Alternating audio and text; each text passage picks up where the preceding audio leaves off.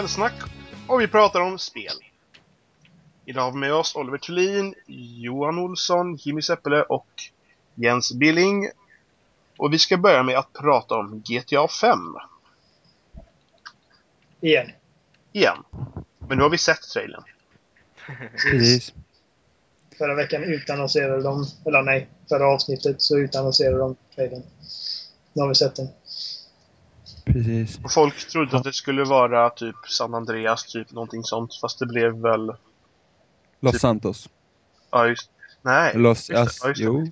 Ja, Los Santos omkring en omkringliggande terräng. Los Eh, och Angeles, Los. Santos.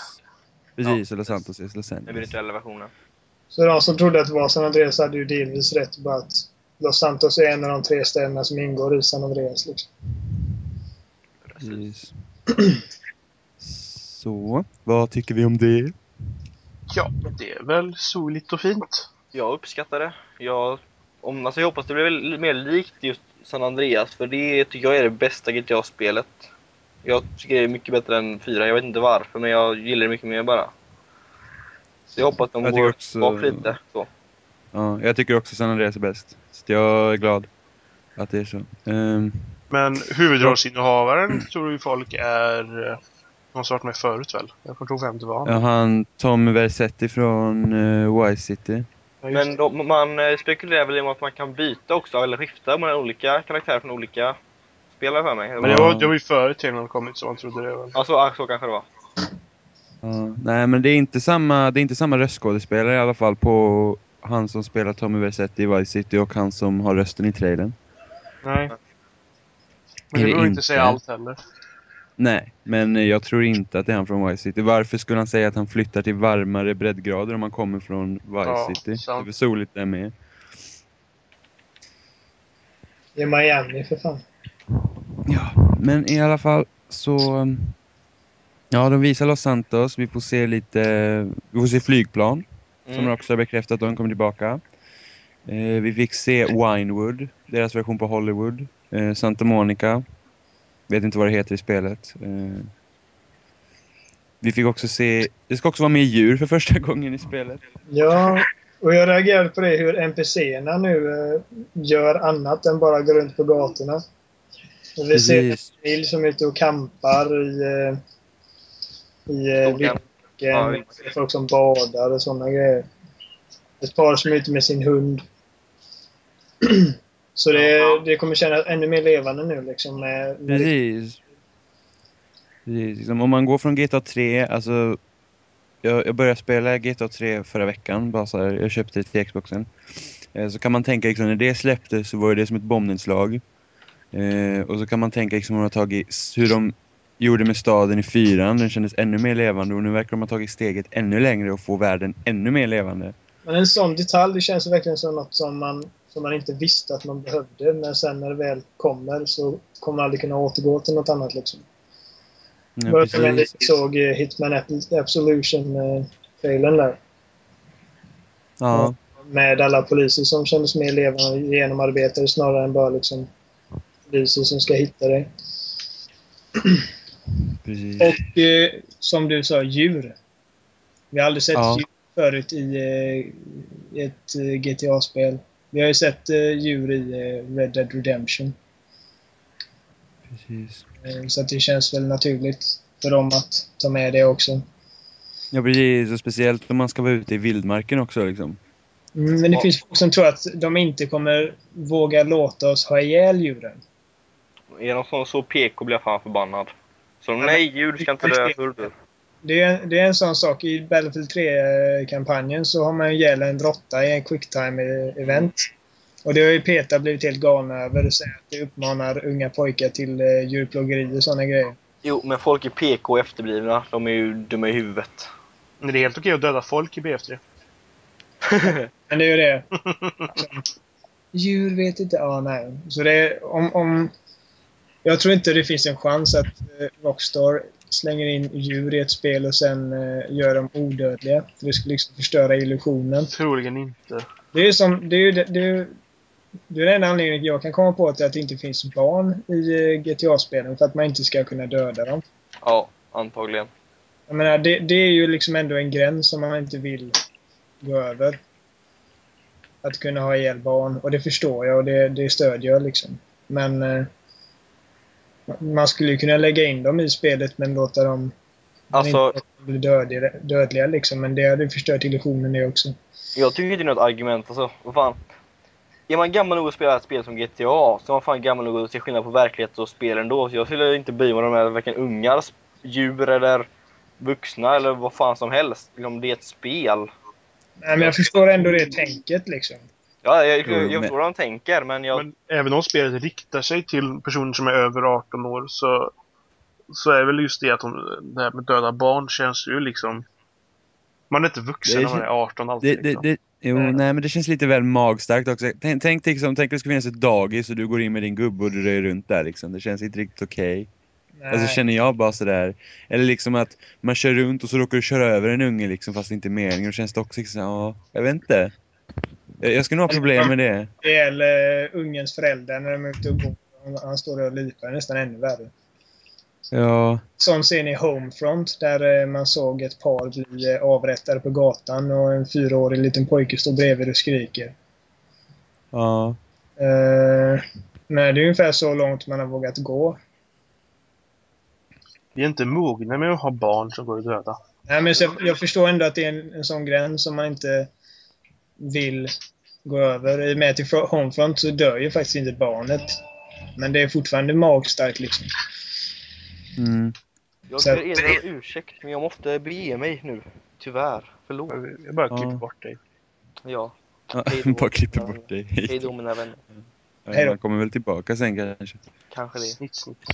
Nej men jag kan ändå förstå att man inte, alltså tv-spel har ändå ganska stor eh, liksom, de man är ganska på tv-spelen när det gäller våld och sådär så jag tror att eh, jag tror att det här med att eh, barn ska dö i ett spel, jag tror liksom att man aktivt ska utföra handlingen, det tror inte jag eh, kommer att hända på ett bra tag till. Liksom i ett, i ett, i ett större kommersiellt spel. Ja. Nej, Liksom, det, tänk, det- men så- tänk, oj. Men tänk bara att, eh, tänk bara den här, men vi tar det här som jag sa med dagis. Jag tänker att du går in och så kör du massaker på ett dagis och så händer det på riktigt. Kommer ju dra paralleller dit på en gång liksom. Ja, ja. Det var ju som de eh, ungdomarna i, i USA som hade ihjäl sina klasskompisar och eh, de lyssnade på Marilyn Manson så han fick ju massa skit för det. Ja, Men jag, jag tror inte det handlar om feghet så sett. Jag tror ändå att Rockstar är så pass vettiga liksom att de... Det handlar inte om att äh, men vi vågar inte stå för det utan de gör vad fan de vill egentligen. De är ju Rockstar. Jag känner väl inte det att döda barn är inte nödvändigt spel. eh, det är väl enligt deras egna ingenting. principer då. Det skulle inte tillföra någonting. Men de på Nej. Rockstar är säkert barn själva men de förstår väl ändå liksom att det är olämpligt. Det förstår även vi som inte har några barn liksom. Ehm.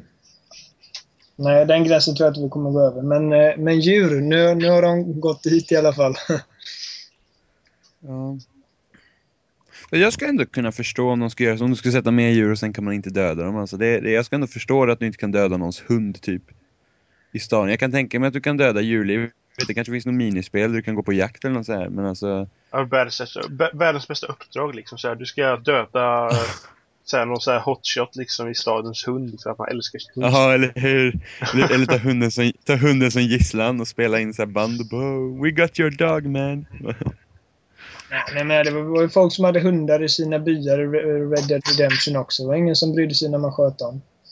Nej men det var ju lite, alltså. Ja. Men det hör väl mer till ehm, Det hör ju mer till liksom den världen liksom. På den tiden. Det passar ju mer in om man säger så. Än att man ska gå och döda någons hund här till exempel. Ja, men det, det var ju något uppdrag där man skulle gå runt och vakta en... eh, Man hade ett nattskifte eller någonting, skulle gå runt och leta Ja, efter och grejer. Då hade man en hund som sniffade ut de här. Och då Ja, har man precis. en sån hjälpmedel, så då har man ingen anledning att skjuta den, men man kan fortfarande göra det. ja det kan man. Men Ja. då, men då får man liksom sitt straff på det sättet att det blir jobbigt. Ja, är inte men, mission fail då kanske. jag vet inte hur det var, jag gjorde det aldrig, men eh, jag vet det var en som gjorde det. Ah, Så att, okej. nej, men jag, jag tror inte att Rockstar skulle vika sig för det. För att, menar, hur skulle, om man siktar på ett djur kommer man inte kunna trycka på avtryckaren då. Eller om man skjuter på ett djur kommer den bara stå där som om ingenting har hänt. Det hade också förstört illusionen och illusionen är någonting liksom de verkligen vill upprätthålla. Ja, möjligtvis. Så jag, jag menar, bevisa mig att jag har fel liksom. Det står jag för sen då. Men jag tror inte en sekund på att vi inte kommer kunna ha ihjäl dem. Nej. Nej, det skulle kännas väldigt konstigt faktiskt. Ja, men jag tänkte det om du går runt där i, i den här enorma staden och du känner bara fan vad coolt den här staden liksom, känns verkligen levande. Jag ska gå fram och skjuta den här hunden och se vad som händer och så dör den inte. Bara skjuter. Sprutar ut blod, händer inget händer. i luften. Ägarna flyger i luften men hunden står där och kliar sig på halsen. Liksom. ja. Nej, det kommer nog inte hända. Nej. Jag, jag, är, jag, jag håller inte med om att San Andreas är det bästa spelet, men jag är ändå glad. Eh, jag, tycker, jag, kom, jag, jag ser ändå fram emot det här att få lära känna Santos en gång till. Eh, det är liksom större Los Santos med... Seriöst, vad är det där? Ja, vad är det? Ingen aning. Det är inte jag, för jag hör. Ja, det kan inte vara jag. Är det Jens som... Kanske jag. Händer något i... Nej, jag vet inte. Nej, det är Jimmy. Det är du, du lyser. Jag. Ja, vänta. Det är nog jag som lockar fingrar på micken. Nu då? Låter det någonting? Nej. Nej. Nej, bra. Ehm, Ska jag ta om allt det där jag sa eller? Vad sa du? ja. Kör på. Vad fan var det?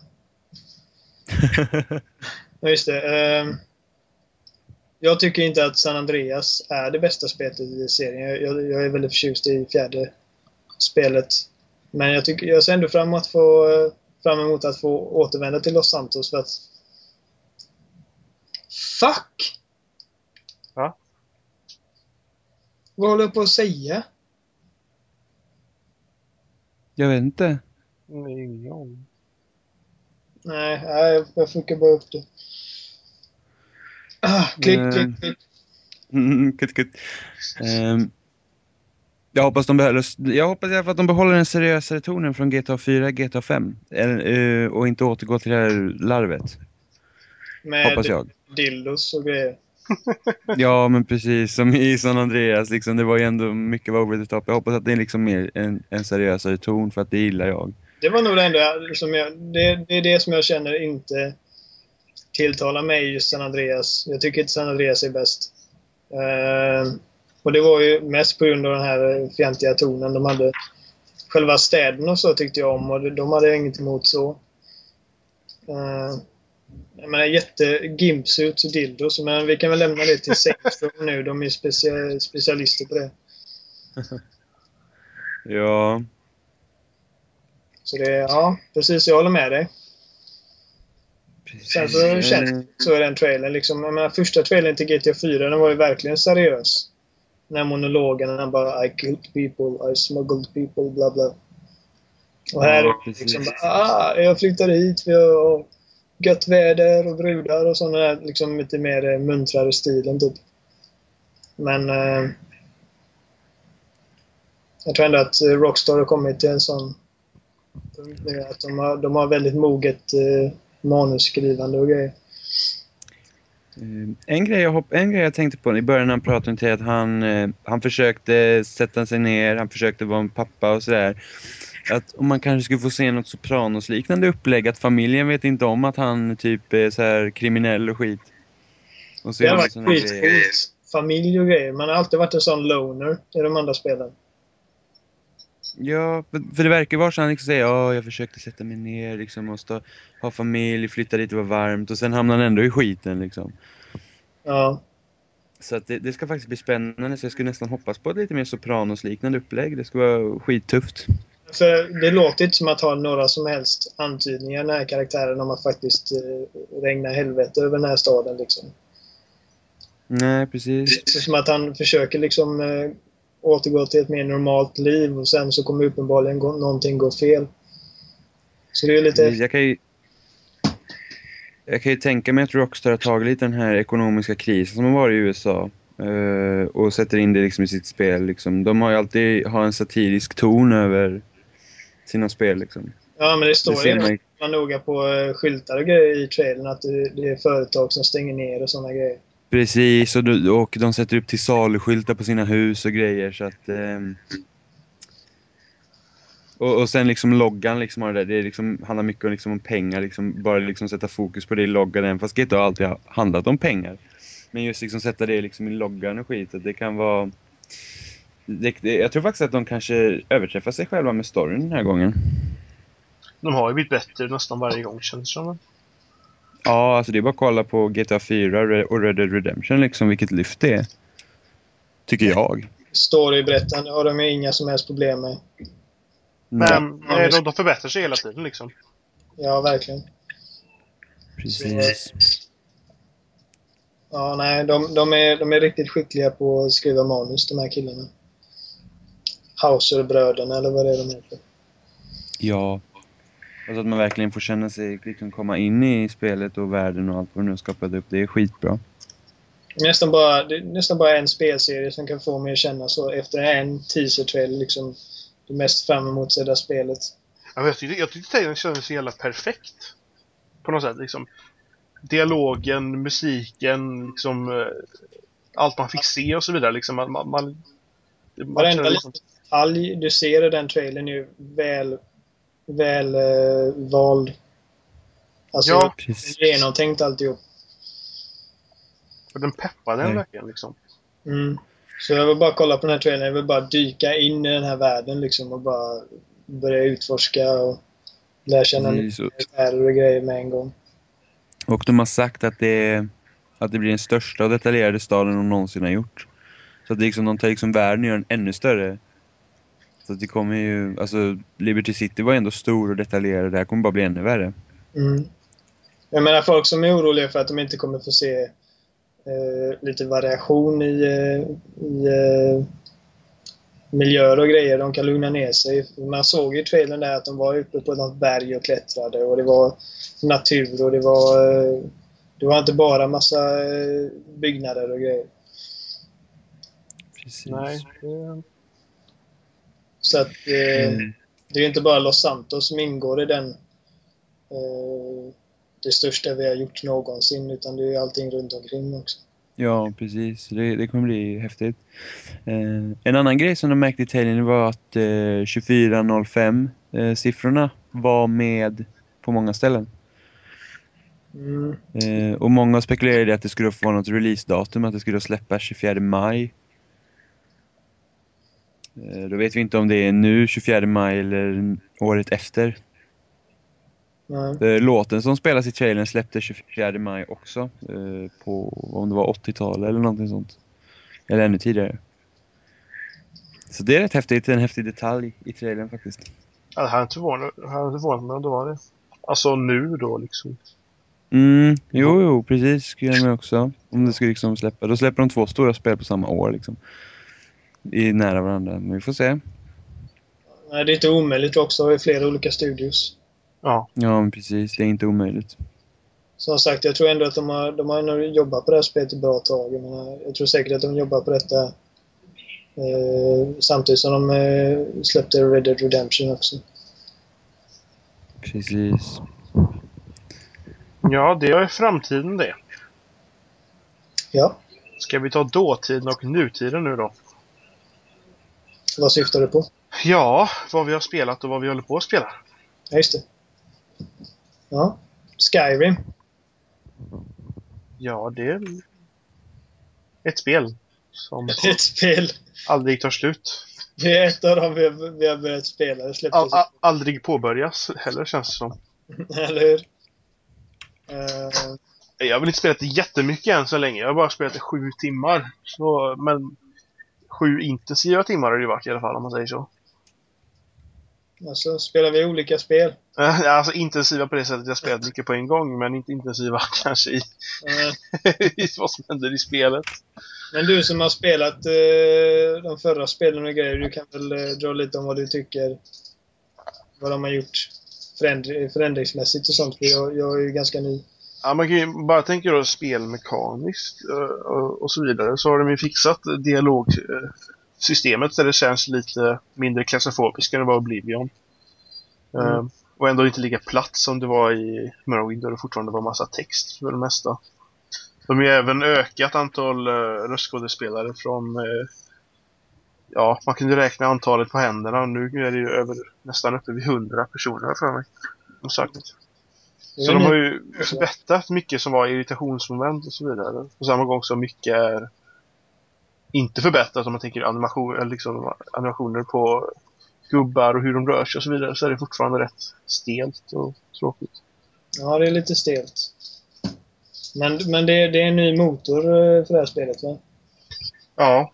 eh, Så det märk, att det är en ny motor märker man väl inte så mycket. Liksom, kanske mer på det sättet att de äldre spelen som eh, Bethesda har gjort då, man tänker Fallout 3 då i alla fall och Oblivion, kraschar på min dator stup i kvarten.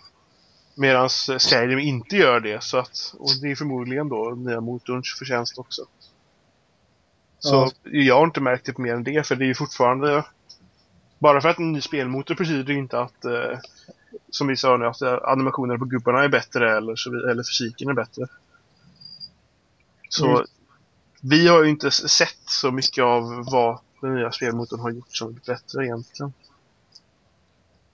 Nej, särskilt inte jag som har spelat de eh, tidigare spelen. Nej, eh, för man, alltså man ser det ju inte heller. Det, är- det är inte som att bara, ja, det är en ny spelmotor, då är texturerna bättre. Så... Det är ju... Snyggare än Oblivion är det väl? Ja, herrejösses. Ja. Och det, det är smutsigare, om man säger så liksom då. De har ju... Ska man säga, de har ju utnyttjat det att de, spelet inte kan bli hur snyggt som helst på sätt, eftersom det kör ju DirectX 9 då på PC. Och det är väl antagligen DirectX 9 som är på Xbox också, så det är väl antagligen därför att det är det. Då kan de inte göra det hur snyggt som helst. Då, då har de liksom utnyttjat det till att göra det smutsigt liksom. Det, alltså det... Oblivion var ju ofta, när man spelade, det var ju väldigt rent. Det... Och väldigt platt. Skyrim känns ju väldigt skitet och så eh, på många sätt påminner det lite mer om hur eh, Morrowind var. var. Och det, det var ju eh, grafiskt mycket sämre, men det var också mörkare, smutsigare. Mm. Jag tänker lite på Game of Thrones när jag promenerar runt där. Ja, precis. Ja, det, Game of Thrones också liksom att det är, det är verkligen, det ser skitet ut. Det ser, det ser inte ut som en kostymfilm. Och Oblivion kanske såg mer ut som en kostymfilm då, att det liksom ska föreställa medeltidskläder men det ser ut som de är sydda i min mormors eh, syrum eller någonting. Ja. Inte använda överhuvudtaget. Ehm, hur, är, hur är levelsystemet i Skyrim? Eh, jag vet att det var det jag tyckte minst om i Oblivion. Vad jag har förstått, jag, jag, jag inte ex- expert på det, men så är det väl mer som i Fallout 3 och tidigare spel då det är mer bestämda områden. eh, Om man tänker då på fienderna då. För levelsystemet i Oblivion var ju eller, jobbigt på det sättet också att fienderna levlade ju med en. Så man blev ju Ja. aldrig övermäktig fast man hade levlat. Nej. Så den där lilla råttan du mötte i början var fan lika stark då som nu. Liksom.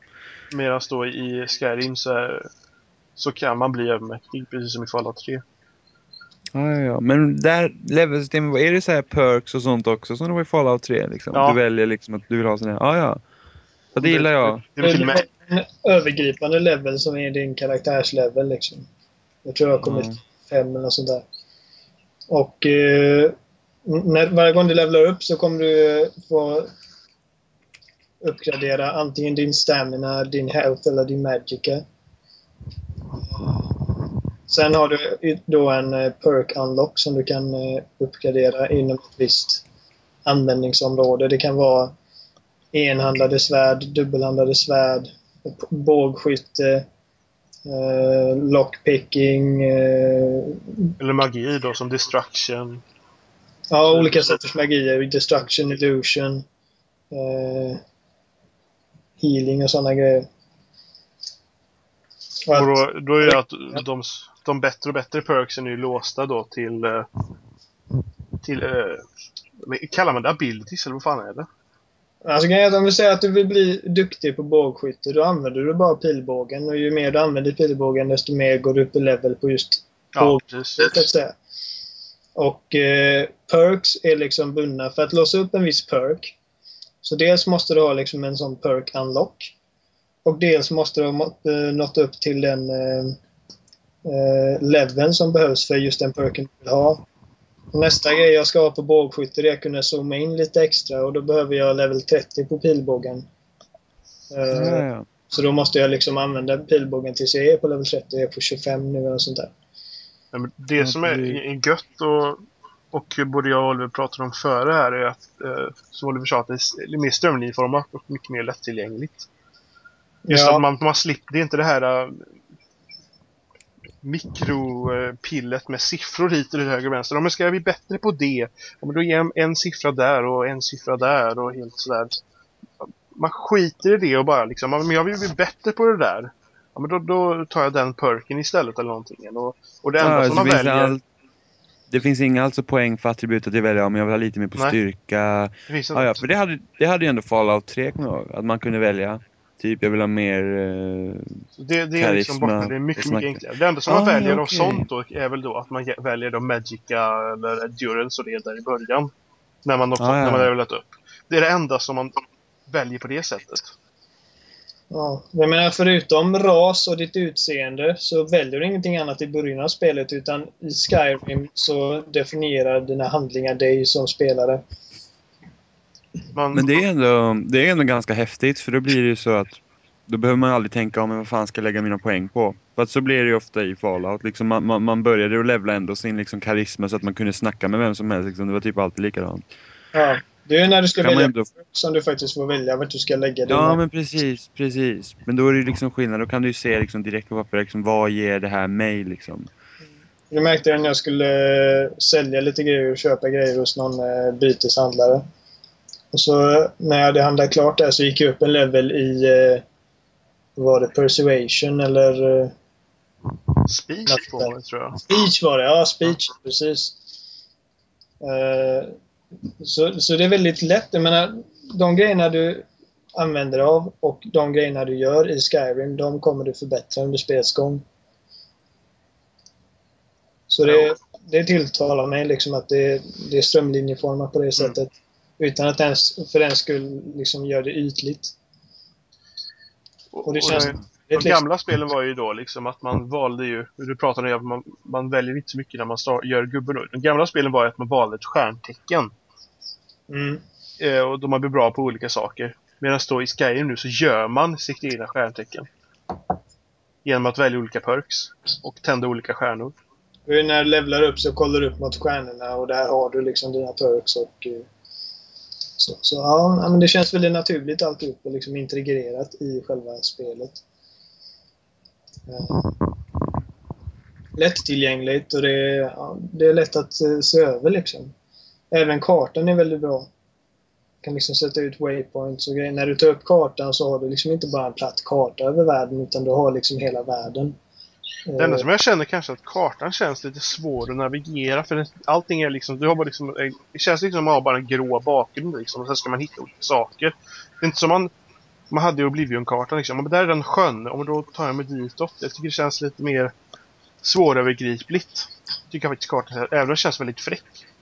Så tycker jag Alltså, den känns kartan, svårare. i, kartan i Skyrim ser mer eller mindre ut som ett flygfoto över Mm. själva landskapet. Så att de renderar hela världen liksom i kartan. Eh, Ja, så man ser höjdskillnader och sådär också? Ja. Det är ungefär som i Just. Cause 2. Aha, jaha, så man slopar liksom att ha typ en riktig karta? Alltså, så det ska kännas som att man tar fram en karta? Spel. Nej. Den får du ha i handen på riktigt. Ja, du får den med i, i, själva kartongen. Ja, ja, okej. Jag har ju inte spelat de tidigare Elder Scrolls-spelen. Jag, jag, jag har spelat lite Oblivion, men jag tröttnade efter en timme. Jag har spelat Fallout i tre timmar, jag tröttnade där också. Jag, är- jag är verkligen så anti-spel som jag måste lägga ner timmar för att liksom tycka om. Uh, och jag blir alltid anklagad för det när jag säger det. Att, men jag, jag orkade liksom inte. Och säga ah, men då har du missat hela grejen. Fan, det är ju efter något visst antal timmar som det kommer igång. Men jag är inte intresserad av en sån upplevelse. Liksom. Uh, men på något sätt så fick jag bara för mig att skaffa detta. För att för det första så Just för att det är liksom lite mer lättillgängligt. Återigen utanför den skull att det ska vara liksom ytligt. Ehm, jag är ungefär 10 timmar in i spelet och det känns fortfarande inte som att man har åstadkommit särskilt mycket. Mesta tiden jag, jag spenderar i spelet är liksom bara transportsträckor för att det är väldigt långa sträckor man ska gå. Mm. Jag har inte råd att lägga pengar på en häst och jag vill inte sno en häst heller. Min häst dog. Ja, men det är det. Det kostar tusen spänn för en häst i alla fall där jag kollade. Och då tänkte jag, vad händer om den dör? Eller om, när jag väl har kommit till min destination, var kommer hästen hamna då liksom? Nej. Den, den, den, den hittar du utanför stallet igen. Om du, om du liksom lämnar den någonstans och så går du in i till exempel den staden där man är i. Och så går du ut igen så är den utanför stallet. Så, Stallet där man köpte den eller bara Ja, det är där man köpt, eller det kan vara att det är vilket stall som helst men Men för mig var det fall stallet där man köpte den liksom. Det stallet som är utanför den staden där. Ja. Man börjar. Nej, Men den kan ju fortfarande dö. Av vargar och så Ja. vidare. Tusen guld, det är rätt saftigt alltså. Så jag, Åh, så du kan liksom rida ut i skogen så kommer en varg och käkar upp din häst och så är det kört. Ja, då får du gå. Fan vad hemskt. Jag kommer aldrig köpa en häst. Jag vill inte att min häst ska dö. Du försvarar den Jag bättre än mig då. Jag lyckades spela hela Red Dead Redemption utan att ha ihjäl en enda häst. det gjorde inte jag. Jag råkade skjuta kanoner på fiendehästar och grejer. Dock har det hänt, jag kommer ihåg efter jag hade klarat spelet så hände det faktiskt att min häst dog av utmattning. Den bara föll ihop och dog. Jag bara nej! Och bara stängde av spelet och startade om igen. ja, jag har hoppat ut för slipp och sådana grejer och då både jag och hästen. Ja. Nej men det, jag, jag gillar Skyrim. Det är ju inte det bästa jag någonsin spelat. För att det är inte riktigt min sorts spel. Men det, jag gillar det och det säger ändå en del när det kommer från mig. Och eh, jag gillar det här ekosystemet. Liksom, det dyker upp hjortar och kaniner. Mm. Det känns mycket mer levande än de äldre spelen. Vissa hjortar springer iväg, andra bara ställer sig och bara stirrar ner rakt i ögonen och följer med blicken. Och, och det, jag satt och Jättarna är spelade... läskiga. Ha? Jättarna är läskiga. Jag har bara sett en och den dödade några NPCer innan jag kom nära. Nej, jag var ute och gick och problemet, äh, jättar, de, de är ju liksom som, vad heter det då? Såna här, vad, fan, herdar till, och så har de mammutar. Mm. Och eh, är de nära sin mammut och man går nära deras mammut så blir de aggressiva. Och slår ihjäl en. Och då slutar det med att man flyger typ så här 20 mil upp i luften typ. jag hoppade ner Mm, från eh, toppen av ett berg en gång. Det var rätt coolt. Då flög man rätt... Eller flög gjorde man inte, men man föll rätt fort. Så, man, ska, man ska inte mucka med jättar som går nära sina mammutar. Ja. Då blir de sura. Ja, men, men jag spelade Skyrim förut idag och hade en kompis här som kollade. Han är en sån sadist. Han bara “Kolla kaninen, döda den, döda den”. Jag bara “Nej, jag tänker inte döda något”. Han Jag, bara, död, jag dödade en höna det första jag gjorde i en liten by man är i först. Med sågverket och det. Då kom hela byn efter mig och försökte döda mig. Ja, men det, det känns verkligen som att allt jag gör får konsekvenser. Så jag, jag försöker liksom inte att... Eh, jag anstränger mig för att inte trampa på någons tår liksom. Så de bara åh den där kostar faktiskt pengar och så kommer det vackra efter mig. Jag bara, What the fuck? Det var bara en höna! Jag, jag fick ladda en tidigare save liksom. Jag testade att bryta mig in i ett hus en gång. Och så kollade jag runt där, och så, men jag snodde ingenting. Så kollade jag runt, liksom bara kolla vad som hände. Och så kom det in en vakt och bara ah, du din jävel, du, du ska betala din böter och ge tillbaka allt som du eh, har snott annars så, eh, annars så dödar vi dig typ.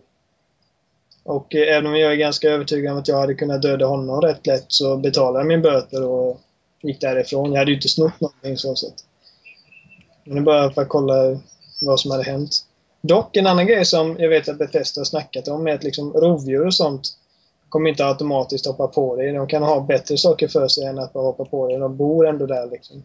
Jo, jag har sett vargar och sånt som har attackerat typ uh, hjortar och sånt. Och så har de... Jag, jag, jag har aldrig stött på ett rovdjur som inte med en gång de ser mig försöker ha ihjäl mig. Eh, men det har tydligen du, så det är bra. Ja, en gång bara faktiskt. Men De här så- drakarna som dyker upp. Men alltså, jag, jag, har ald- jag har aldrig stött på en drake som kommer liksom bara på random. För det, där har jag ändå fått uppfattningen av att de kan liksom dyka upp när de vill och de behöver inte nödvändigtvis försöka ha ihjäl dig heller. Den första draken som man träffar på känns väldigt skriptad. Ja, men den är ju skriptad så sätt. Uh, sen, sen stöter man på en annan drake. Jag vet inte ifall det har kommit så långt. Nej, det har inte gjort. Nej. Jag, vet jag, inte, jag, har inte, jag har inte kört mycket main storyn alls. Jag vet inte ifall det är samma eller om det är en annan drake. Men... Nej, annan drake blir det. Den var ju också skriptad så sätt. Förhoppningsvis så kanske det blir lite senare i spelet. Eh, att man stöter på dem bara slumpmässigt. För det hade ju jag sett fram emot som fan. Liksom en minding my own business, gå runt där och promenera och plocka blommor och grejer. Så kommer det bara en drake som flyger rakt över huvudet. Det hade varit hur mäktigt som helst. Vi får hoppas att göra det senare helt enkelt. Ja, precis. Finns det lika mycket lore i spelet som det fanns i Oblivion? Jag vet det fanns massor i Oblivion. Böcker och sånt man böcker, ja, ja, det har jag sett på än så länge. Rätt så mycket. Det finns ju dagböcker och massa ja, det med. och sådana grejer man kan läsa. Det bryr jag mig aldrig om att göra, men, men det finns ändå där för de som är lagda åt det hållet, så att säga. Det trevligt. Det. Ja? Ja, så det finns där, sa jag. Ja, precis. Ja, nej. Så det är tummen upp än så länge. Ja, jag har inget negativt så. Det... Jag har väl, jag har väl spelat en 11 eller 12 timmar än så länge. Eh, så det är en bit kvar. Ja. Får se. Det är nice. Ja, nästa spel eller? Ska vi gå, ska vi gå till något mer liksom uppjagat och händelserikt? Modern Warfare 3. Där händer det saker. Där. Jimmy. Work Magic. Working my magic. Nej, men Modern Warfare 3, eh, uppföljaren på Modern Warfare 2, släpptes 2009. Eh, det här spelet fortsätter direkt där tvåan slutar var i princip. Ja. Eh, tvåan slutar med att man tog död på Shepard och man var typ skadad och sånt. Så man börjar faktiskt där. Soap eh, typ ligger och blöder på ett bord och man får liksom hjälpa honom. Eh, ja, det, det är Modern Warfare. Det är inte så mycket nytt egentligen. Motorn har de polerat på lite. Men den, det, ser, det ser och känns precis som förut. Det låter som förut. Det låter som förut. Det, det, är, liksom ing, det är liksom inget nytt i spelet egentligen. Alltså kampanjen är fortfarande underhållande. Jag tycker inte att den är lika bra, men den är bra. Och multiplayer, det, det är liksom... Där känner jag nog största hur liksom... Jag spelade sönder Modern Warfare 2. Alltså jag, 11 dygn har jag på kampanjen. Eller jag menar på multiplayer. I Modern Warfare 2. Och jag känner när jag börjar med Modern Warfare 3 liksom känns att nej men det här har jag gjort redan. Jag, jag spelar det här redan. Det var det första det, jag kände. Min första match i Modern Warfare 3. Det här har jag spelat så mycket. Så många gånger förut. Uh, ja. Det känns ju lite elakt att säga det. Liksom att ja, men det här känns som ett, en, en stor map pack. Men det känns faktiskt så för att det, det ser ut som Modern Warfare 2. Det låter som Modern Warfare 2 och det känns som Modern Warfare 2. Mm. Och visst, de har lagt till nya vapen och nya strike packages och sådana grejer. Men det, det hjälper liksom inte helhetsupplevelsen så sett. Nej, just för att det liksom känns... Alltså jag tänkte så här... Alltså de har inte... Alltså visst, multiplayer är lite balanserad. Alltså lite mer balanserad än tidigare vad jag, vad jag känt. Jag har inte spelat så mycket. Jag har spelat en tre timmar tror jag i multiplayer. Uh, och det... Det, jag hittills har, tycker jag, jag prövar lite att köra Noobtube då för att den var ju så jävla stark i tvåan. Så bara testa hur den kändes. Så den, den är svagare, vilket båda gott. Uh, men fortfarande, det, det, det, känns liksom, det här har man gjort. Och, banorna är små och trånga. Det är liksom, tycker de ändå känns ganska likadana allihopa som jag har spelat. Liksom. Det är ingen som sticker ut hittills. Uh, så att, nej, jag... Uh, det, det kommer jag inte alls spela lika mycket som jag har gjort i Modern Warfare 2. nej. Faktiskt. Men jag, gillar man... Jag... Men, men du spelade Modern Warfare 2 och du gillade det. Men du känner ja, inte... alltså... Men, du, men du känner att du, du vill inte spela trean för det är inget nytt. Så du, Nej, liksom, just... du är klar med, ja, med det här. Liksom. Precis. Alltså jag tröttnade på tvåan för att den var så obalanserad. Det finns ju så himla mycket grejer du kan liksom överanvända och liksom typ äga runt med. Och, och, och, och fortfarande känner jag liksom så att ja, alltså skulle jag gå och köra Modern Warfare 2. Jag känner nästan att Modern Warfare 2 har ett högre tempo på spelet. Men just det liksom att ofta när det är nya spelare så alltså kan jag tänka mig själv typ när, när det kommer ett nytt Mario Kart och man spelar sönder det och eller när Battlefield 3 släpptes, liksom jag har ju spelat sönder Bad Company 2. Eh,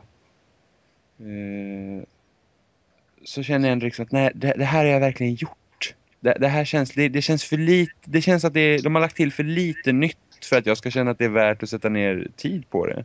Så här känner jag. Alltså jag känner att Modern Warfare 3s allra största svaghet. Om vi börjar med första Modern Warfare, när det släpptes 2007, så skrev det verkligen om regelboken om, för hur man ska göra ett actionspel i första person. Alla gjorde liksom sin Call of Duty-grej efteråt. Liksom. De, eh, de satte liksom ansikten på de NPC-soldaterna hade med dig. Eh, de, de, de liksom bröt ny mark för hur ett, en krigs, ett krigsspel ska berättas. Eh, och införde även det här liksom med perks och unlockable weapons och lite det här typ rollspelsinslagen nästan i multiplayern. Och det blev ju jätte, en jättesuccé. Och nu vill ju liksom hela världen ha en del av den kakan så alla gör det. Och vid det här laget känns det så gjort. Det, man har spelat minst 10 spel som påminner om eller känns precis som Call of Duty 4 sen Call of Duty 4. Uh, och det är det, det är det jag känner är liksom dess största svaghet. Man har gjort det här så många gånger förut på så kort tid. Så det, jag menar, Modern War, eh, första Modern Warfare var ju skitbra när det släpptes. Ja, jag spelar rätt mycket på LAN så faktiskt. Kör multiplayer då. Det var Nej, fem pers och så. Både multiplayer och kampanjmässigt var det ju helt mind-blowing. Men första gången atombomben eh, går av där i kampanjen. Eh, man är ju så van vid att ja, men den här karaktären, jag är den här karaktären. Han kommer liksom inte dö. Och så är det jättehektiskt. Det är någon mm, helikopter som kraschar och man ska hjälpa piloten ut och man släpar den här piloten på axlarna och slänger sig på helikoptern i sista sekund och så tror man liksom att det är lugnt och så sprängs bomben och alla bara dör.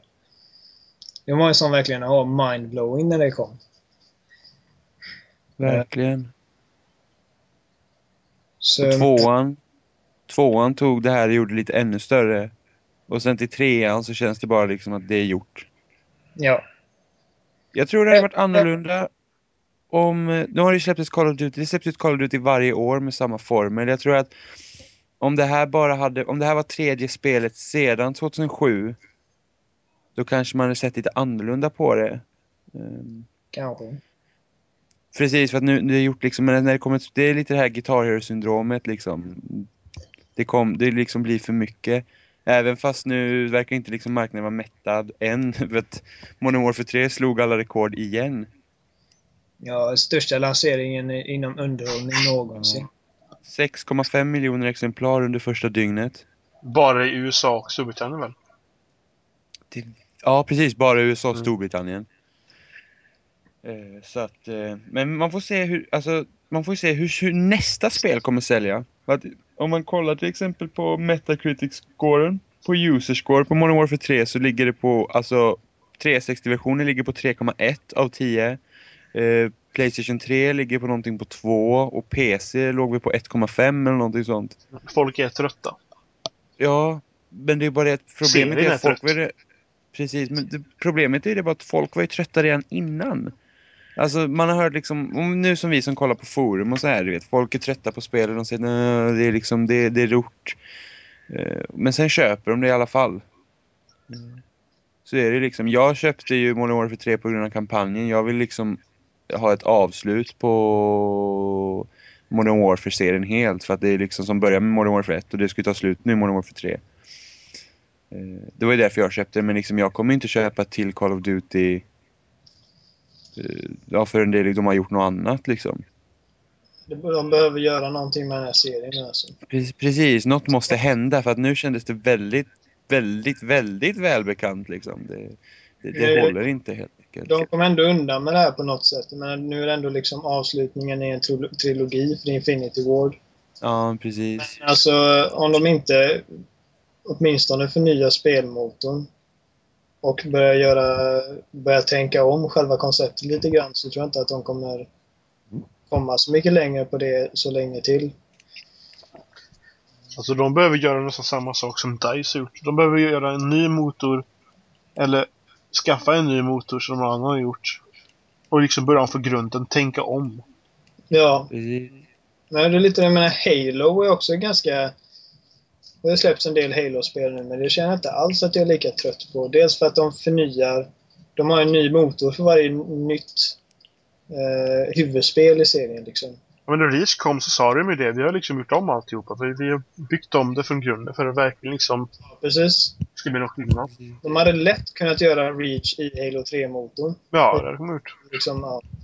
Men eh, de byggde om den helt från scratch. Liksom. Och det, även om det Ja. låter liksom lite hyckleri sådär, liksom, att bara det ser bättre ut och känns bättre, liksom, då... Ja, men det är ju inte bara liksom det. De behöver liksom tänka om det och då kan ni hjälpa att de gör om det. För Ja, att de ska kunna göra andra saker de vill göra. det gör väldigt mycket. Det är som Battlefield 3, det är inte liksom rent... Om man bara se- ser krasst på det, liksom, du dödar fortfarande människor, du kör fortfarande fordon och du tar fortfarande över flaggor och grejer, men... Men, men det, det, det är liksom ändå inte så... Det är inte det Battlefield 3 handlar om på så sätt, liksom, alltså förnyelsen i det, utan det är en ny motor, det känns annorlunda. Även om det fortfarande gör samma grejer liksom. Ja, Så jag, jag tror ändå liksom att man behöver inte gå så jättelångt ifrån ett koncept eh, rent spelmekaniskt för att liksom få det att kännas nytt. precis. Och så Men fint. men det är som- många- Ja. Men det som Halo har också, det som Halo har liksom till sin fördel är att de har ju byggt upp ett universum kring Halo. Liksom Modern, eller Call of Duty-spelen är förankrade i verkligheten. Mm. Eh, de har också en helt annat stridsupplägg där du kan ta an strider på olika sätt. Det är liksom som att varje bana liksom, då sätts du upp på en bana och sen kan du i princip gå vart du vill där inom ramarna för den banan och göra liksom, du kanske går dit och så kanske du eh, attackerar från det här hållet den här gången. Och sen har det, sen kan man faktiskt vara fyra spelare samtidigt. Det gör ju så att man kan spela kampanjen på så många olika sätt. Alltså jag tänkte på Modern Warfare-spelen, det är i princip bara rakt fram. Liksom. Jag kan inte göra mycket annorlunda än kanske gå till det där skyddet på vänster sida om min korridor än, än det högra den här gången. Liksom. Men jag blev förvånad de gångerna i Modern Warfare-kampanjen då jag faktiskt kunde typ gå upp till en byggnad, eller ja, åtminstone ett kontor, en våning över för att få en översikt liksom. Ja, precis. Och det... Varje gång jag kör exempelvis Halo Reach på Legendary så spelar det på olika sätt. Men jag kommer när jag skulle klara sista banan där med alla skulls på. Det gör ju att spelet Ja, var mycket svårare. Fiender tål dubbelt så mycket. Dina sköldar går inte upp ifall du inte gör en melee-attack. Och de kastar extra mycket granater. Alltså det är jättesvårt. Vi fick ju verkligen tänka ja, allting, jag och Jimmy, när vi skulle liksom klara den här banan. Det tog ändå bara sex timmar. ja, Och då ja du, precis. vi försökte grejer som vi inte trodde skulle gå i det spelet. Liksom. Och Man, man tog en meter i taget och man flankade och man prövade olika vapen och massa sådana grejer. Och alltså, Ja. Halo Reach-motorn, det är inte det snyggaste spelet i världen, men jävlar vad bra den motorn är. Verkligen. Alltså fysiken och allting, det är helt fantastiskt. Alltså, det, det är just det också. Så det handlar ju om bra så tänkte- balans också. Ja, jo men just det också att de har, precis, och så har de olika fiender och det blir liksom, det, det blir en mer dynamisk strid liksom.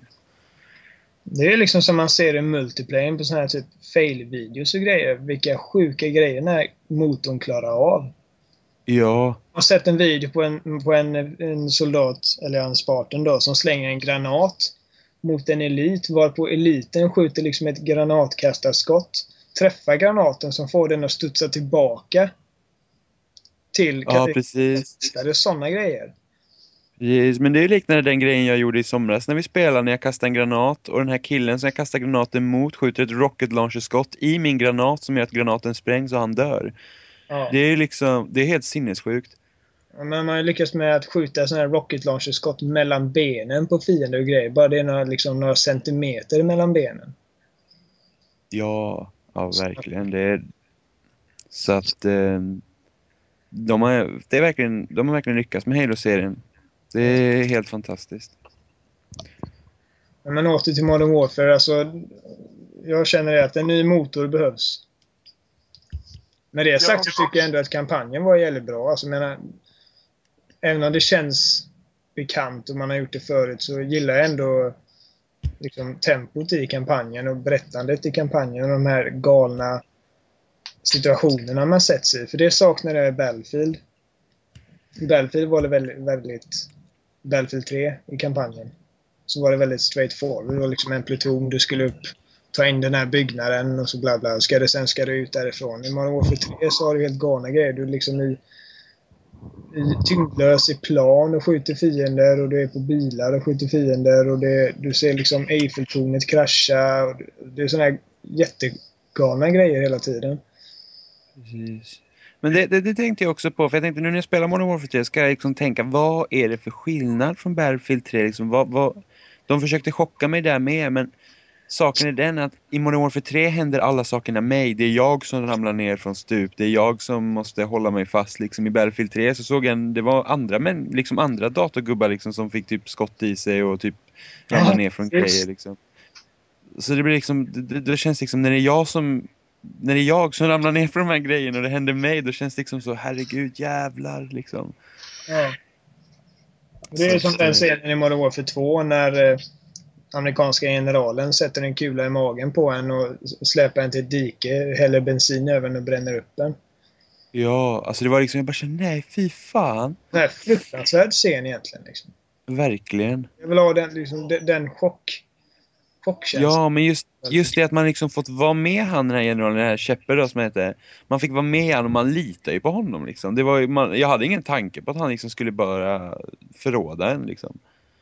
Berättandet i Modern Warfare 3 är väldigt kluven 3. För det första negativt med den är att det, flest, det mesta grejer berättas liksom i eh, laddningsskärmarna med typ sådana här eh, CNN-liknande inslag och grejer. Och det, det är väldigt ja. Otydligt berättat. Men när man väl är i, i ett uppdrag i en bana.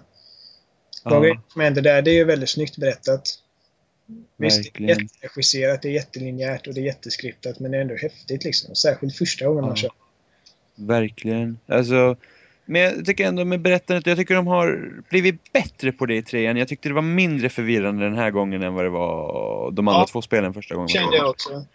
Första och andra fick jag ändå spela två gånger för att få in alla detaljer mm. nästan. Precis, men de hade ju fixat, med, de hade ju fixat de här laddningsskärmarna lite så man fick liksom se bilder och de drog streck hit och dit. I, i ettan och tvåan var det mer sån här typ, det såg mer ut som så här militära bilder som man fick se på. Mm. Mm, så att det, jag tror de fixar både det visuella och berättarmässigt. Så det, det, är faktiskt, det är faktiskt skönt. Man kunde hänga med lite bättre i alla fall. Så att eh, även om eh, det kanske är ett uttryck av det nu så hatar vi inte Modern Warfare 3. Vi bara känner liksom att någonting måste hända för nästa del. Och Precis. vi är jätteförtjusta i multiplayer. Nej, precis. Alltså jag, Modern, alltså jag är både Modern Warfare 1 och 2, alltså de två kampanjerna håller jag ganska högt. Alltså väldigt högt faktiskt. Mm. Trean är också jättebra. Men det, jag är bara trött på konceptet. Det är ju liksom inget dåligt spel. Det är bara att jag personligen är trött på det bara. Ja. Jag har spelat Spec Ops en del också. Det är också jävligt kul. Igen. Mm. Uh, Spec Ops var skitbra i tvåan. Dels har vi survival-läget som är lite det här hård-liknande konceptet. Du mot horder av fiender. Och eh, du kör tills du dör liksom. Ja. Här, här har de lagt in att du får liksom levels och låser upp nya vapen och nya attachments. Så du kan kalla in airstrikes och kalla in eh, eh friendly-trupper och sådana grejer. Så det, det, får en annan touch på det. Så det är kul när, när, när man håller på liksom. Uh, och så har de även de här uppdragen då för två spelare. Där man ska desarmera bomber, samla eh, kemiska vapen och du ska eh, täcka... En spelare är på marken i en juggernaut-suit medan den andra spelaren täcker honom från luften i en helikopter och sådana grejer. Uh, så, så det är kul. Men, Modern Warfare 3, det är bra spel. Det, bara, det känns väldigt bekant och det känns väldigt gjort. Precis. Då så. Då kan vi gå till nästa spel då som ni har säkert ännu mer att prata om också. Ja, spelet, prata om i alla fall. Spelet som fick eh, högsta möjliga poäng i alla kategorier av IGN. Uncharted 3. Ja. Mm. Ska du börja då Oliver? Mm. Som sagt, väldigt eh, kritiskt älskat. Jag har liksom fått toppbetyg haglade från alla möjliga håll. Eh. För mig så, även om, även om de har lagt väldigt mycket energi på multiplayer den här gången så har alltid styrkan i Uncharted, Uncharted-serien legat i singleplayen. Eh, samtidigt så är jag inte den, jag håller inte med när folk säger liksom att det är det perfekta äventyret som Level kallar det. Eh, det sa de även om tvåan, jag håller inte med där heller. Alltså, de grejerna som Naughty Dog gör bra i Uncharted-spelen, det är de bäst i världen på. Men de är inte bäst på allting de gör. Och... Eh, ja. Jag, jag, jag, tyckte väldigt mycket om spelet. Jag, jag spelade igenom kampanjen på en åtta timmar kanske. Lite besviken över längden men det var ändå väldigt fyllt av roliga grejer och det jag känner att, det jag känner att eh, Naughty Dog gör bra, det är dels det här liksom karaktärskemin som finns mellan karaktärerna. Eh, mycket på, på, grund av när de gör motion capture för de här eh, spelen så gör de en scen med alla karaktärer samtidigt. Och de gör dialogen samtidigt som de gör rörelserna, så det blir väldigt naturligt på så sätt. Ehm. Och det märks verkligen att skådespelarna gillar att de har kul när de gör detta. För att det, liksom, det känns som att de är kompisar liksom, redan på ett professionellt plan. Och det speglas även i spelet. Sen någonting annat Naughty Dog gör bäst i världen, det är eh, att sätta spelaren i de här extrema situationerna. Man är liksom som i tvåan på det där tåget som håller på att spåra ur. Eller byggnaden som håller på att rasa. Mycket mer sånt här. Och det ska jag väl säga, ju... Charter 3 är bedårande snyggt. Ja, det är alltså grafiken är helt, alltså det är helt sjukt snyggt alltså. Alltså, när man kommit, alltså redan när man kommer till öknen alltså det är, alltså det, det är så snyggt så att man, man tappar hakan. Alltså jag var helt så här jävla vad snyggt det är. Bara stanna upp och kolla. Och samma vattnet. Naughty Dog, de, de vet någonting som inte övriga världen vet alltså. Det, det, har de en fördel med när de har låst sig till Playstation 3 liksom, för att de kan använda maskinen fullt ja. ut. De behöver inte begränsa sig till liksom 360. Nej, precis. Det blir så när man gör ett multiformatspel att man måste liksom anpassa spelet för två olika eh, två olika system. Mm. Det resultatet blir bättre för man faktiskt fullt eh, koncentrera sig på ett system. Precis. Men som den här banan, om, alla, om, om folk har sett den E3-demon man gjorde av Uncharted 3. Eh, man är på en båt eh, mitt ute på havet. Och eh, allting, liksom, allting gungar och allting. Och Istället för att ta den enkla vägen ut att bara animera möbler och grejer på båten. Att animera dem så att de går i en viss eh, riktning när det gungar på båten. Så har de liksom simulerat ett stort hav. Så att när, när båten gungar så är det liksom en direkt reaktion av hur havet, eh, hur havet beter sig i motorn. Och det är inte skriptat.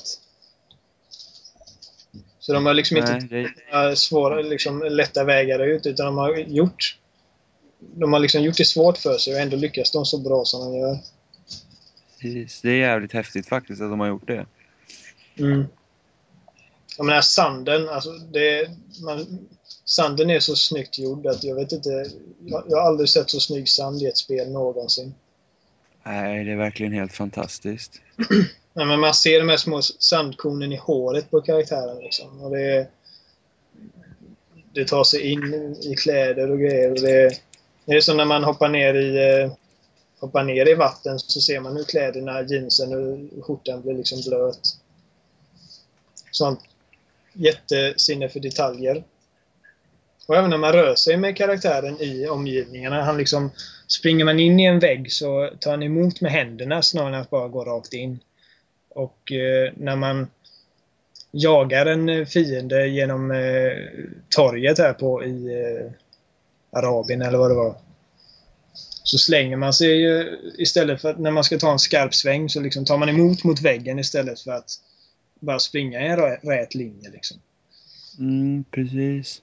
Det hade de gjort i fighting-systemet nu i trean också, fixa det mer dynamiskt. Att man använder sig av eh, objekt i omgivningen och sådär när man slåss. Det var ju skitkul. Man bara trycker på fyrkant och trekant mer eller Mm. mindre. Han liksom han grabbar tag i stekpannor och grejer som finns i närheten och dänger in den i huvudet på fiender och grejer. Precis. Precis. Ja, men i den sekvensen han tog tag i en stekpanna för dig så tog han tag i frysdörren för mig. Ja, precis. Eh, och, och slog upp den. Det, de har kollat lite på Batman här, hur de har haft eh, i combaten. Ja. Inte lika bra som i Batman, men det funkar. Så att det är faktiskt väldigt trevligt. Mm. Och Jimmy, vad, varför tycker vi inte att det här är en eh, fullpott? Eh, jag har samma problem med det här spelet som de tidigare två delarna. Det är för mycket strider på sina ställen och eh, de, de lägger så stor fokus på det. Och det tycker inte jag om, för att jag tycker det är det sämsta i spelet. Det är när man måste slåss. Och det kommer hur mycket fiender som helst. Alltså, bara en, precis, bara en grej liksom det är när man har vandrat ut i öknen liksom. Och så man är helt utmattad och så kommer du till, så hittar du en övergiven by. Och, och då kommer det hur mycket fiender som helst och då är det precis som du aldrig har varit slut utan då jävlar fick du värsta kicken och så kommer det hur mycket fiender som helst. Stört. Alltså, du- spenderar en eh, ganska lång tid där ute i öknen för att du, du strandar Ja. där helt själv. Och du Ja. går och går och går och det går liksom eh, natt, nätter och dagar och du är jättetörstig och bara du släpper eh, stickan lite så faller han ihop på sina knän. Uh. Och, eh, han är ju helt utmattad. Det ser man liksom i animationer och allting.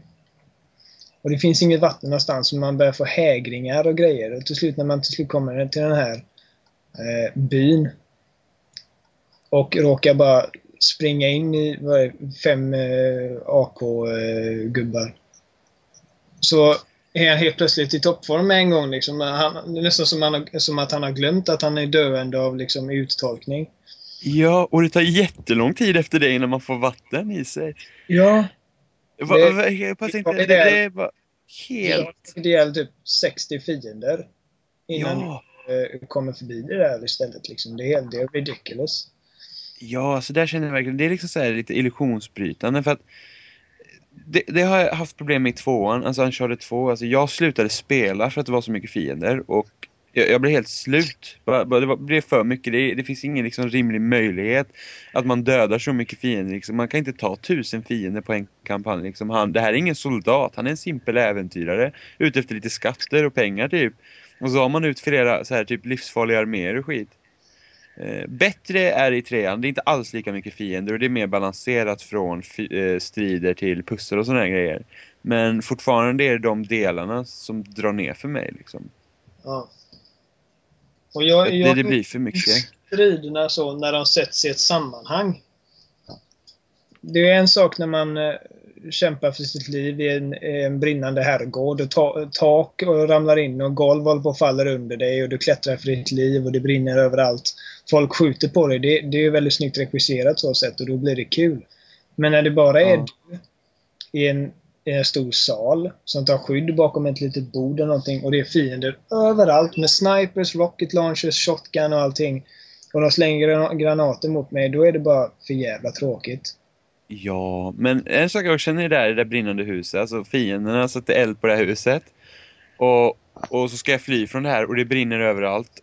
Och så är det fiender kvar där som gör allt för att du ska dö. Alltså de har ju redan räknat med att man ska dö där inne. Det, det förstod jag inte heller. Liksom. Där kunde de också bara fokusera på att jag behövde fly därifrån istället för att banka in fiender som liksom kommer från hörn och ska skjuta ihjäl mig. När de redan tror att jobbet är gjort liksom. Mm. Alltså det där, det där är inte jag något problem med.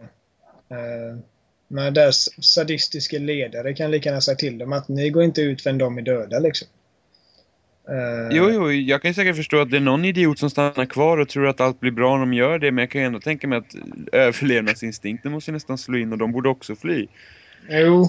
Alltså det, så, så sätt är det ju en logisk lucka, men, men vi vet ju inte riktigt varför de stannar kvar. Och det är inte relevant heller.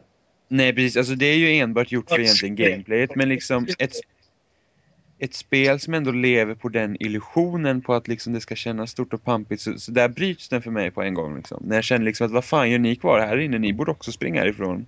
Ja, men då får du tänka så här att ja, men det, är, det är antagonisten som sagt så här. Kommer ni ut innan eh, Nathan Drake är död, då sätter jag en kula i huvudet på er. Det är väl också överlevnadsinstinkt.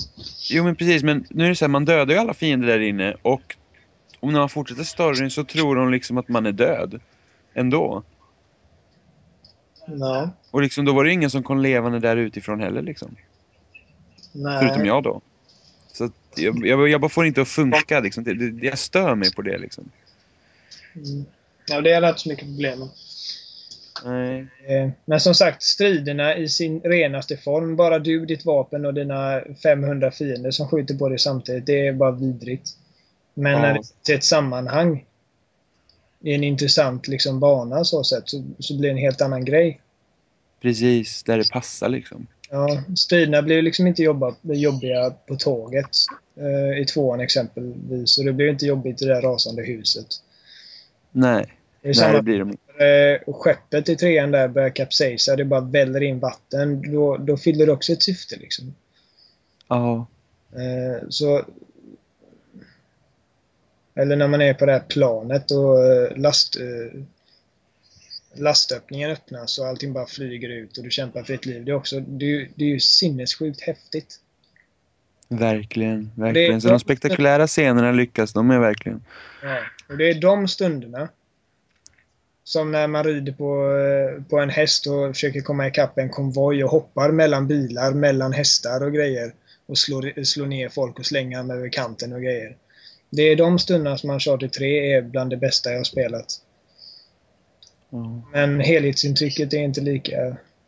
Nej, alltså jag skulle, jag, jag, jag kan inte se liksom Uncharted är inte det bästa som har hänt liksom. Det är, Nej. jag ska aldrig liksom kalla Uncharted 2 för det bästa spelet någonsin. Jag kan inte kalla Uncharted 3 heller för det bästa spelet någonsin liksom. Jag får ändå säga att Uncharted 3 är ett av de bättre spelen i år. Eh, det tycker jag. Och Sen om det är det bästa, det, det tror jag inte, men, men ändå. För att det, de grejerna de gör bra, de gör det så fruktansvärt bra och så fruktansvärt övertygande. Att det är svårt att blunda för det liksom. Verkligen. Men frågan är nu, med, nu när vi har pratat om Modern Warfare och vi säger här att eh, det är gjort liksom. Det, det börjar bli slut. Och nu har jag liksom tre Uncharted-spel och de har ju gått liksom i samma anda, tre spel. Kan de göra ett fjärde spel likadant eller måste de också förnya sig? För det första tror jag inte vi får se Uncharted 4 för nästa generation. Och då Nej, det tror inte jag heller. bank längre för att då är det liksom ny teknik och grejer och det kommer räcka. Men, Ja, eh, men efter tycker ändå fyran då? Modern Warfare, tre- jag vill säga, Uncharted 3 känns ju inte gammalt på samma sätt heller. Nej, de- nej, det gör det inte. Men alltså de ska förhindra det så att det inte blir så att nästa spel liksom känns gammalt. Mm. Så Naughty Dog har ju sagt det att så länge vi hittar liksom, så länge vi kan komma på eh, bra historia att berätta så kommer vi fortsätta. När vi inte har något bra att sluta. Alltså jag tror inte de arbetar på samma sätt som Activision har gjort. Nej, nej, nej, precis. Det är inte liksom, det kommer inte ett nytt spel varje år och, och sådana där grejer va. Men ändå liksom, det är ändå ett koncept. Det är samma med Gears of War 3 nu som släpptes. Det är också tre spel och nu känner man att de, nästa spel så kanske de behöver göra något annorlunda. Liksom, Eller- de behöver inte gå från konceptet men något liksom nytt. Liksom Modern Warfare 1, 2 och 3, det är i princip samma sak. Men jag känner ändå att både två, tvåan hade ju något nytt och trean hade något nytt. Alltså Uncharted nu då. Ja, Men i tvåan så var det ju dels den här snön. ja precis. Men då är det, då är det visuella nya grejer liksom. Ja, men det brukar räcka. Jag menar, det, det blir ju också spelmässiga grejer indirekt.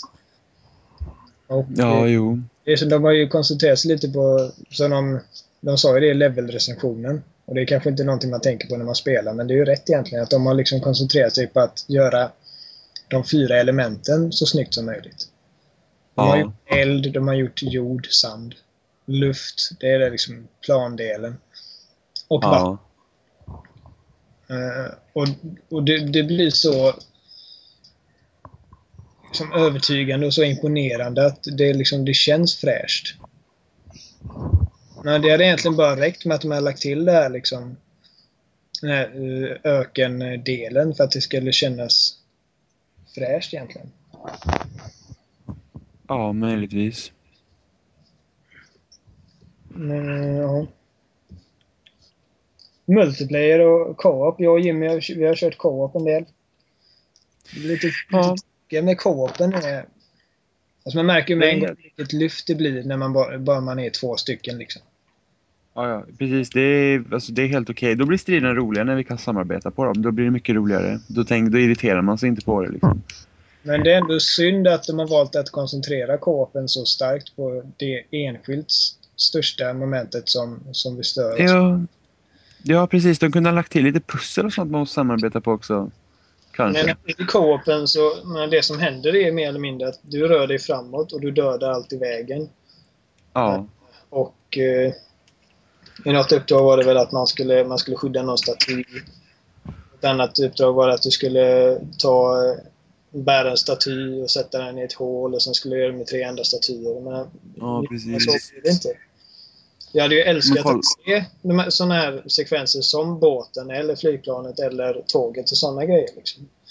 ja, precis. Men det är bara att kolla på det uppdraget som vi är på nu. Det är väl det sista. Nu är det hur mycket fiender som helst där ute liksom. Ja, alltså det är helt mindblowing hur mycket det är som skjuter på en samtidigt. det- Ja, liksom, man vet inte vart man ska springa eller hoppa. Vi kör normal och det är fort liksom redan som man sliter eh, håret från rötterna. Ja, verkligen.